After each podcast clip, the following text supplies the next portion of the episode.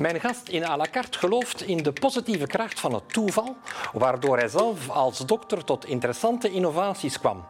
Hij meet zichzelf graag een hoog kuifjegehalte aan. Hoe hij dat verzoent met zijn werk als hoofd van het Universitair Ziekenhuis van de VUB, daarover heb ik het graag met Mark Noppen. Wat denkt u nu van Brussel? Is Brussel een helhol? Lukt er niets in Brussel? Hoe gaat het nu met Brussel? Goed of slecht? Gaan we nu vooruit of achteruit? Een stad waar te veel auto's zijn? Of zijn de fietsers te arrogant? Wilt u er komen wonen of willen jullie juist weg? Welkom bij à la carte, Mark Knoppen. Het is de eerste keer dat ik een gast ontvang die uh, van school is gesmeten, maar nog erger, u bent van de kleuterklas gesmeten. Heb ik nog nooit meegemaakt. Ja, dat uh, was mijn eerste trauma. nee, uh, alle gekheid op een stokje, dat kwam omdat op de een of andere manier kon ik rekenen en lezen en zo. En stoorde ik de klas vertellen mijn ouders mij. En, uh, omdat je te goed kon lezen? Dan wel, omdat de andere kinderen nog uh, moesten leren de, de, basics. En om de een of andere reden ja, kon ik dat vanzelf of van thuis uit, dat weet ik niet. En dus de kleuterjuf was heel, uh, heel verveeld, omdat ze naar mijn ouders gegaan en zegt, ja, ik kan er geen weg mee. Uh, hij stoort de klas, het is een appetanterik, hij, hij, doet al alles. En zo mocht hij onmiddellijk naar de lagere school. En toen hebben ze gezegd, ja, ofwel moet hij thuis blijven, ofwel neem het risico om hem naar het eerste studiejaar te sturen, wat dus een jaar te vroeg kwam. En uh, mijn ouders hebben dan beslist om mij naar uh, de grote school te laten gaan. En, dat is dus een zekere voorsprong opgebouwd. Ja, en dat is uh, leuk, omdat ik dan... ik zat altijd een jaar te vroeg, hè, dus ik ja. was altijd... ik was ook nooit de grootste of de sterkste dan, want ja. je moet je dan op een andere manier weten te manifesteren, zeker. Maar bon, dat is altijd zonder, zonder enig probleem verlopen. En dus dat maakt dat ik ook een jaar vroeger was afgestudeerd en dan een jaar vroeger unief en zo. En nu bent u uh, CEO, zoals dat gezegd wordt, ja. directeur, hoofd van het Universitair uh, Ziekenhuis in Jette ja. van de VUB. Dat is een van de uh, een aantal ziekenhuizen in Brussel, maar het is een speciaal ziekenhuis omdat het doorgaat voor een Vlaams ziekenhuis. Wat is eigenlijk ja. het verschil met de, met de andere ziekenhuizen? uh, het verschil is uh, een, een, een, gevolg van de staatkundige uh, logica of onlogica van ons land in die zin dat wij zijn in de eerste plaats een ziekenhuis. Dat wil zeggen dat wij nog altijd onder de federale bevoegdheid vallen die de ziekenhuizen voor het grootste deel beheert. Um, tegelijkertijd zijn wij een universitair ziekenhuis dat deel uitmaakt van de rechtspersoon VUB. En dat is een Vlaamse onderwijsinstelling. Dus dat maakt het al een beetje moeilijk. Um, en aangezien wij behoren tot een, een, een Vlaamse entiteit, is ook uh, Vlaanderen voor een deel mijn uh, bevoegde overheid, mijn tutelle. En wij zijn dus een Vlaams ziekenhuis gelegen in het Brussels Ooststedelijk gewest, maar betaald vooral met federale middelen, wat het allemaal een beetje complex maakt. Uh, bijvoorbeeld voor wat betreft hè, uh, het verschil met een algemeen ziekenhuis is dat een universitair ziekenhuis ook aan onderwijs en opleiding en onderzoek doet. En dat valt dus helemaal onder Vlaanderen. Maar alle niet persoonsgebonden aangelegenheden, zoals dat heet, valt dan onder Brussel. Hè. On, uh, mobiliteit, energie, enfin, al die andere bevoegdheden. Bijzonder ingewikkeld. Dus dat maakt dat ik heel veel excellenties heb die ik moet frequenteren om allerlei zaken opgelost te krijgen. Maar er is één groot verschil dat elke Brusselaar die wel eens naar een ziekenhuis gaat kent. Dat is dat je in, in het UZ in, in je eigen taal wordt ontvangen en dat dat geldt voor andere Brusselaars die niet Nederlandstalig zijn. Exact. Ook. Hoe uh, komt dat dat het enige ziekenhuis is waar dat volledig altijd uh, zo gebeurt? We hebben al van in het begin, onze, onze, onze baseline gaat over respect voor de patiënt en voor de medewerker. En wij spreken eigenlijk twee talen. Wij spreken Nederlands als voertaal. Dus iedereen die bij ons werkt, vroeg of laat spreekt Nederlands. Zelfs al komen ze uit eender waar, hè. ze krijgen een taalbad. En de tweede taal die wij spreken is de taal van de patiënt. Whatever it may be. Hè. Dus in Brussel worden 70 of 80 talen gesproken. We hebben de meeste wel in huis. Uiteraard het Frans, maar er is ook Engels, een grote internationale community. Duits, Berbers, Arabisch, Turks, noem maar op. En wij doen dat om twee redenen. Eén, we vinden dat elementair beleefd en respectvol. Dat is niet moeilijker dan dat. Tweede is, evidence-based. Ik hou nogal van evidence-based medicine. Uh, de zorguitkomst, uitkomst, outcome, is beter als je de patiënt in zijn of haar eigen taal kan bejegenen. Als er een communicatieprobleem bestaat al van in het begin, wanneer iemand hulp zoekt, dan is meestal de zorguitkomst minder goed. Daar bestaat bewijs voor. Dus dat zijn heel, twee hele goede redenen, denk ik, om de taal van de patiënt te spreken. Het lijkt een evidentie, maar het is, niet het geval in de andere ziekenhuizen. Twee jaar geleden heeft u deelgenomen aan een debat in het Vlaams parlement. Samen met Luc Doge, de, voorzitter, de erevoorzitter van de Brusselse huisartsen.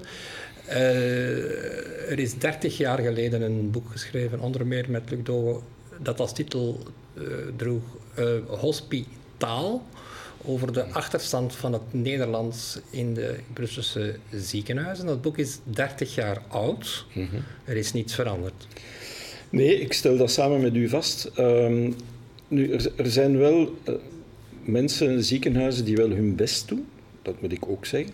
Om de patiënt, in, in, in dit geval dan in het Nederlands, uh, te ontvangen.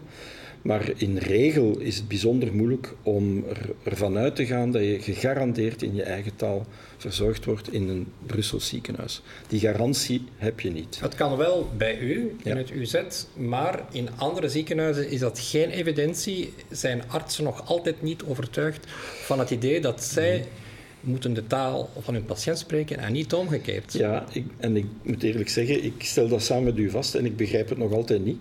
Want als je eender welke, met alle respect, een voetballer of een wielrenner in een Vlaamse ploeg steekt, na een jaar spreekt hij Nederlands. Dat is voor artsen niet anders, of voor verpleegkundigen. Hoe komt dat dan? Ik weet het niet. Um, is, is er toch een zeker misprijzen nog altijd voor dat Nederlands? Ik, kan aannemen, in vele Brusselse ziekenhuizen heb je ook een, een vrij grote influx van buitenlandse artsen. Uh, maar u heeft die ook en bij u leren die Nederlands op één jaar. En de meesten kunnen vrij behoorlijk Nederlands. Pas op, er zijn altijd hardleersen die het nog altijd moeilijk hebben. Maar uh, wij gaan ervan uit, en als ze het dan nog niet kunnen, na een jaar is er wel altijd iemand naast die wel Nederlands spreekt. Hè. Een verpleegkundige of een assistent of wie dan ook. Maar we maken er een punt van. En ik begrijp niet goed waarom de, de collega's dat niet zo zien. Want ik kan er geen goede reden voor bedenken. Dus maar u, moet u aan u bent als CEO vaak in contact, kan ik me voorstellen, met de andere CEO's van de andere ziekenhuizen. Praat u daar soms over? Ja, en ik moet zeggen, uh, uh, ze zeggen dan over ons, vous êtes l'exemple à suivre, in het Frans weliswaar. in het Frans. maar uh, ze, ze, ze bedoelen dat dan wel goed, maar om de een of andere reden slagen ze er niet in. Uh, en het is nogthans geen, geen rocket science. Hè. Uh, Nederlands is niet zo verschrikkelijk moeilijk, toch niet uh, het medisch Nederlands dat je moet kennen. Mhm. als student aan de VUB liep ik stage in vele Brusselse ziekenhuizen. En ja, na zes maanden spreek je medisch Frans. Dat is dan nog het voordeel om aan de VUB te komen studeren, want je krijgt een gratis taalbad. Ja. Je kunt dan perfect Frans en Engels na je opleiding. Maar het gaat zelfs over elementaire beleefdheid ja, bijna een goede dag kunnen zeggen. Eh, hoe maakt u het? begrijp ik niet goed. Waar heeft u pijn? Omdat dat de zorg verbetert. En dat is toch uiteindelijk de bedoeling van onze hele business, denk ik dan. Ja. Uh, twee jaar geleden schetste u ook, en, uh, en collega Dogen schetste u nogal een dramatisch beeld van de Nederlandstalige huisartsen mm. Er zijn er bijna geen in sommige gemeenten. Mm. De wachtdiensten zijn altijd eentalig uh, Frans. Spoed bijvoorbeeld ook is, is nogal dramatisch, omdat daar geen Nederlands begrepen wordt. Dat zijn toch zorgwekkende ja. factoren. Ja, dat klopt. En vooral ook het ontbreken van een, een goed georganiseerde en uitgebouwde eerste lijn. In Brussel, dat speelt ons toch parten, omdat wij merken dat ook dat wij eigenlijk disproportioneel veel mensen zien op onze spoeddienst. Um, die eigenlijk ook goed hadden kunnen geholpen worden in, in, in, in, een flink aantal van de gevallen door, door een goed georganiseerde eerste lijnzorg. Wij hebben bijvoorbeeld binnen de muren van ons ziekenhuis ook een huisartsenwachtpost geopend samen met de Brusselse huisartsenkring. Om, omdat, dat is ook een deel, nu, nu ben ik heel paternalistisch en ik bedoel het zo niet, maar het heeft ook een beetje te maken met de opvoeding van de burger omdat Brussel is een jonge, dynamische stad met heel veel inwijkelingen. En heel veel mensen komen uit landen of culturen waar een eerste lijn gewoon niet bestaat. Die kennen dat concept niet. Die kennen wel een ziekenhuis of een, of een uh, dispensaire. Maar niet het idee huisarts. niet het concept van een huisarts, een general practitioner, een GP, uh, een praticien generalist. Dat kent men niet. Dus men, men doet niks en dan heeft men een medisch probleem. En wat doet men dan? Men gaat naar de spoeddienst.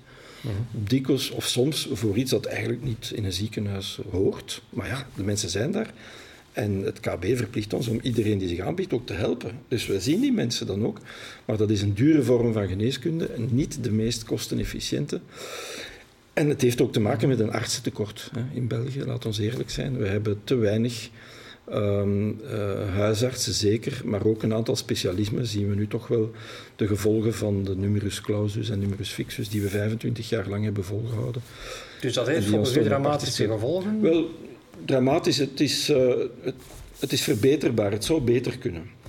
Um, en men heeft nu toch wel een beetje het licht gezien, ook aan de Vlaamse kant, om meer studenten toe te laten tot de studies geneeskunde. Die zijn dus 25 jaar lang afgeblokt.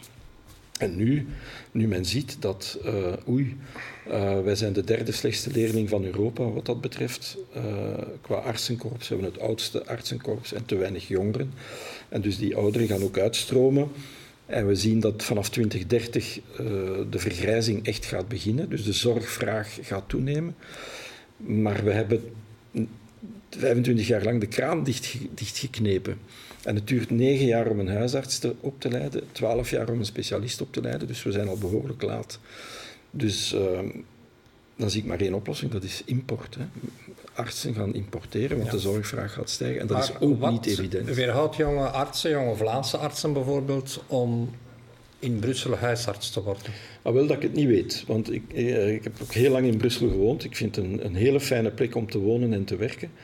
Uh, ik herinner me toen ik pas begon als gedelegeerd bestuurder, was mevrouw Grauwels nog uh, voorzitter, minister en, en baas van de VGC, de Vlaamse Gemeenschapscommissie. En wij hadden toen vergaderingen om hoe, hoe, hoe trekken we Nederlandstalige artsen en verpleegkundigen en andere zorgkundigen naar Brussel. Want er is, ja, voor de gemiddelde Vlaming denk ik dan Brussel is zo'n beetje oei oei. Uh, gevaarlijk en ver van mijn bed. En ze spreken daar allerlei talen, behalve Nederlands. Maar je kan het ook aantrekkelijk maken. Je hebt hier, um, als je hier stage loopt, heb je de meest fantastische pathologie die je kan zien. Ik, ik heb een dochter die stage loopt uh, in, in Brussel nu en die bevestigt mij dat nog altijd. Uh, je krijgt je gratis taalbad. Je leeft toch in een, de enige grote stad die ons land rijk is, met alles dat erbij hoort. Dus ik vind dat wel positief. En mevrouw Grauwels dacht toen aan het, zo'n soort, hoe noemden ze dat, een mand, waarin een aantal voordelen dan zouden toegekend kunnen worden aan Nederlandstaligen die zich in Brussel zouden vestigen tenminste voor de eerste jaren, een soort uh, premie. Of, of uh, dus u, denkt dat dat nu ook zou moeten gebeuren? Wel, het, het, is zeker het, het, overwegen waard. Ik weet niet of dat, dat nu echt de doorslag gaat geven. Maar um, het is zo'n beetje wat ik zelf heb meegemaakt. Want ik heb mijn eerste jaar geneeskunde gestudeerd in het verre Limburg. Helemaal in het isolement. En dan, ja, daar kon je maar de eerste drie jaren van je studies doen. Dus dan moest je wel... naar een stad, hè, of Leuven of Gent of Antwerpen of Brussel. Dus. En ik heb toen met een aantal vrienden ben ik in de wagen gesprongen en zijn we al die studentensteden gaan bezoeken. En ik was op slag verliefd op, op Brussel. En ook op de manier waarop we als student werden opgevangen, namelijk beleefd en respectvol. Vandaar misschien de connotatie met de taal. Uh, en uh, eens dat je hier bent, uh, ben je ervoor gewonnen. En ik, ik, ken dat, ik, ik, merk dat ook bij mijn twee plusdochters, die dan zijn gaan studeren aan de VUB. Die hadden nog nooit van de VUB gehoord. Die komen hier toe en zijn de, de grootste ambassadeurs geworden. Zegt echt, ja. Dus je kan alleen maar voordelen bedenken. Ja. U heeft een heel interessant boek geschreven, Gewoon Anders. wat dit boek bijzonder interessant maakt, is niet zozeer dat u een het verhaal vertelt van de coronacrisis, maar vooral omdat u een bijzondere kijk heeft op, uh, op een hospitaal in feite als, zal ik het een spiegel noemen van de, van de maatschappij? Ja, ja uh, corona was natuurlijk de, de katalysator, hè, de, of de facilitator van ik moet dat, daar toch iets over schrijven. Waarom? Omdat dat um, toonde aan in tijden van crisis uh, wat crisismanagement zou moeten zijn en wat het niet was. Uh, ik blijf daar nog altijd van overtuigd. Crisismanagement is de meest simpele vorm van management. Het moet gewoon snel gaan. En je moet dus je structuren zodanig bedenken mhm. dat je heel snel kan beslissingen nemen. Zonder al te veel overleg. En dat hoort men helemaal niet graag in ons overlegcultuur. Ja, je bent zeer kritisch over overleg en compromissen, omdat dat geen beslissingen zijn, schrijft u. Overleg en compromissen zijn voor mij een schitterend model als je genoeg tijd en geld hebt. Dan is dat de ideale vorm. Maar in tijden van corona of andere calamiteiten uh, moet je gewoon heel snel kunnen beslissen. Want dat spaart levens. Ja. Niet, het, is, het is mooi verwoord door Mike Ryan, dat is de CEO van de Wereldgezondheidsorganisatie. Die, die is, zegt over crisismanagement: um, speed trumps perfection. Dus snelheid is veel belangrijker dan perfectie.